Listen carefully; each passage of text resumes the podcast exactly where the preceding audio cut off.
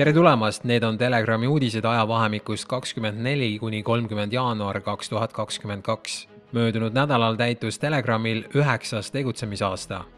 kahekümne üheksandal jaanuaril kaks tuhat kolmteist ilmus interneti aadress www.telegram.ee ja edasine on ajalugu. aitäh peredele, sõpradele, kõikidele lugejatele, kaasautoritele ja koostööpartneritele. Ilma teieta ei oleks Telegrami. kui tahad meile sünnipäevaks rõõmu teha ja või soovid koroonameetmete tühistamist nagu meiegi, siis tule neljapäeval kell üksteist Toompeale Stenbocki maja ja Rüütelkonna hoone ette meelt avaldama. Krista Fischer. kahe doosiga vaktsineeritutel on nakatumine sarnane vaktsineerimata inimestega. endine teadusnõukoja liige, matemaatik Krista Fischer kommenteeris esmaspäeval, kahekümne neljandal jaanuaril Delfile, et koroonavaktsiinide kaitse omikroniga nakatumise vastu on väike ta lisas, et tõhustusdoosi saanutel on mõnevõrra väiksem tõenäosus nakatuda kui vaktsineerimata inimestel, kuid lihtsalt kahe doosiga vaktsineeritutel on nakatumine sarnane vaktsineerimata inimestega. kas tõesti veel leidub inimesi, kes peavad õigustatuks koroonameetmeid ja piiranguid? advokaat Paul Keres leiab, et valitsus rikub põhiseadust, piirangutest tuleb loobuda teadusnõukoda avalikustas teisipäeval põhjendused, miks mittevaktsineeritud inimeste lubamine üritustele kiirtestiga pole hea mõte, öeldes muuhulgas, et kui teste nõutakse ka vaktsineeritutelt, siis see ei suuna inimesi enam vaktsineerima ja tõhustusdoosi saama. Kerese sõnul on inimeste vaktsineerima sundimine piirangute abil seadusega vastuolus ja selliste põhjendustega majandust ja inimeste elusid kägistada on absurdne vabariigi valitsus võiks selle põhiseaduse vastase olukorra ära lõpetada ja lasta inimestel naasta oma normaalse elu juurde, lasta ettevõtetel naasta normaalse elu juurde enne, kui siin on tõepoolest tükid taga, ütles Keres.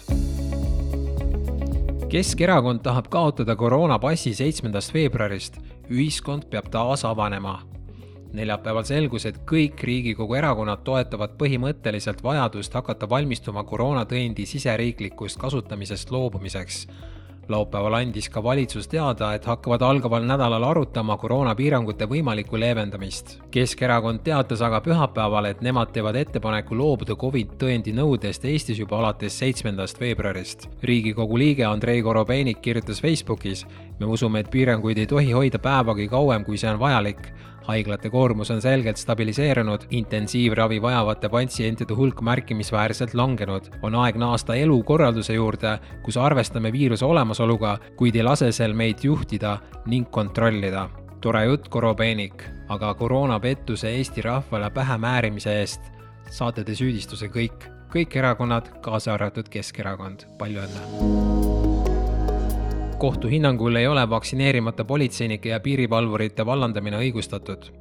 Reedel, kahekümne kaheksandal jaanuaril sai teatavaks oluline vahevõit, kui Tartu ringkonnakohus andis Kotka-Risti kuldristiga pärjatud Politsei- ja Piirivalveameti komissar Kersti Nüüdile PPA vastu esialgse õiguskaitse ning leidis, et PPA-st vaktsineerimata töötajate vallandamine ei pruugi sisejulgeoleku tagamisele kuidagi kaasa aidata kohus keelas Nüüdi vallandamise Covid-19 tõendi esitamata jätmise tõttu kuni kohtulahendi jõustumiseni.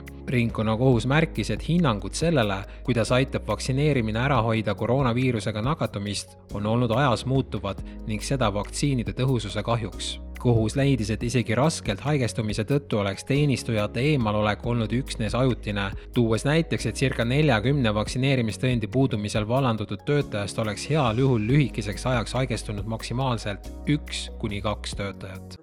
sest see oli töö, mida ma tegin südamega ja mulle meeldis see ja oma käsi südamele pannes ma võin öelda, et ma kunagi ei läinud ära ühelgi inimese otsingult lihtsalt sellepärast, et ma oleks tüdinenud või ei viitsi enam või alati sai antud maksimum mm. -hmm. et kurb jah, töö meeldis mm, -hmm. aga noh, aga mitte midagi teha ei ole, need otsused on rasked. tervis eelkõige. Rootsi ei soovita alla kaheteistaastaseid lapsi koroona vastu vaktsineerida Rootsi terviseamet teatas möödunud nädalal, et ei soovita vaktsineerida viie kuni üheteistaastaseid lapsi koroonaviiruse vastu.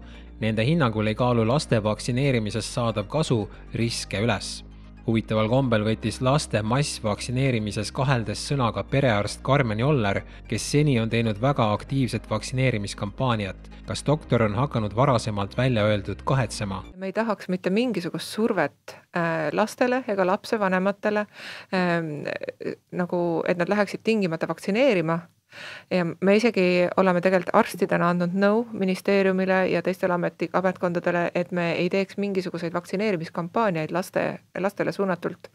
et me küll räägime, et see on suurepärane valik ja võimalus ja näiteks minu lapsed said eile teise vaktsiinidoosi. ja ma tõesti kutsun üle kõik, üles kõiki lapsi ja lapsevanemaid viima lapsi vaktsineerima, aga me ei taha seda survet just seepärast, et esiteks see tekitab vastureaktsiooni ja teiseks, teiseks praegu ei ole nagu, ei tõesti ei pea olema number üks prioriteet meie omikroni valguses.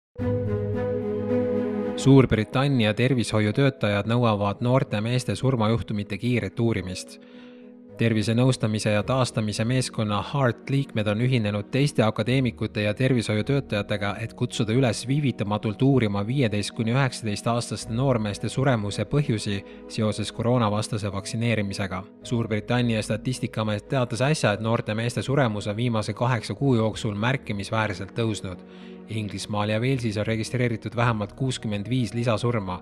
Covidiga neist on seotud vaid kaks surmajuhtumit. loodame, et see uurimine algatatakse peagi, sest vastustest on huvitatud kogu maailm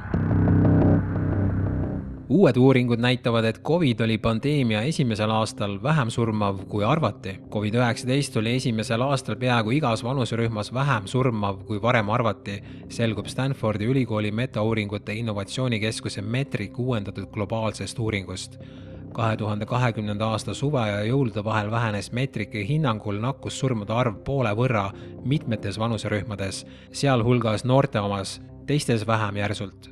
tuletame siinkohal meelde, et ka Eestis oli niinimetatud pandeemia esimesel aastal täielikult ülepaisutatud. ametnikud andmed kinnitavad, et esimese laine ajal oli päevas keskmiselt viisteist positiivset PCR testi ning kahe tuhande kahekümnendal aastal oli haiglaravil vähem inimesi kui kahe tuhande üheksateistkümnendal aastal. selle info valguses ei ole midagi imestada, et pandeemia panikööre on ootamas kohtuistungid. paniköör on paanika tekitaja. näiteks rahvusvahelisele kriminaalkohtule esitatud avalduses süüdistatakse vaktsiinitööstuse suurtegijaid genotsiidis süüdistus kuritegudes inimkonna vastu on esitatud kuueteistkümnele rahvusvaheliselt tuntud terviseametnikule ja lobistile, teiste hulgas Valge Maja koroonaviiruse töörühma juhtiveksperdile Anthony Fauci'le ja Bill Gates'ile advokaat Rainer Fülmich, ka farmakoloogia Pfizeri endine juhtivametnik doktor Michael Yeadon ja veel kuus hagi esitajat süüdistavad eelmainitud isikuid arvukates Nürnbergi koodeksi rikkumistes. Läti arstid saatsid riigiametnikele avaliku kirja me ei tohi vaikida.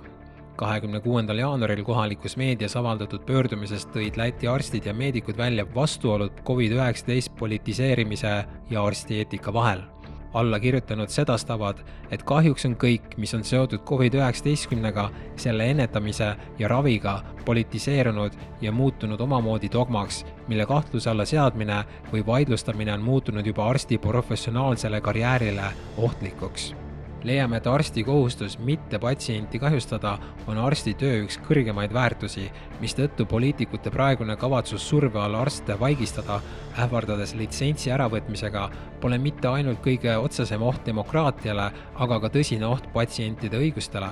soovitame Läti meedikute pöördumist lugeda ka kõigil Eesti tervishoiutöötajatel. Soome epidemioloogi Jussi Sane sõnul kestab pandeemia nii kaua, kuni inimesed sellesse usuvad, kirjutab Helsingin Sanomat.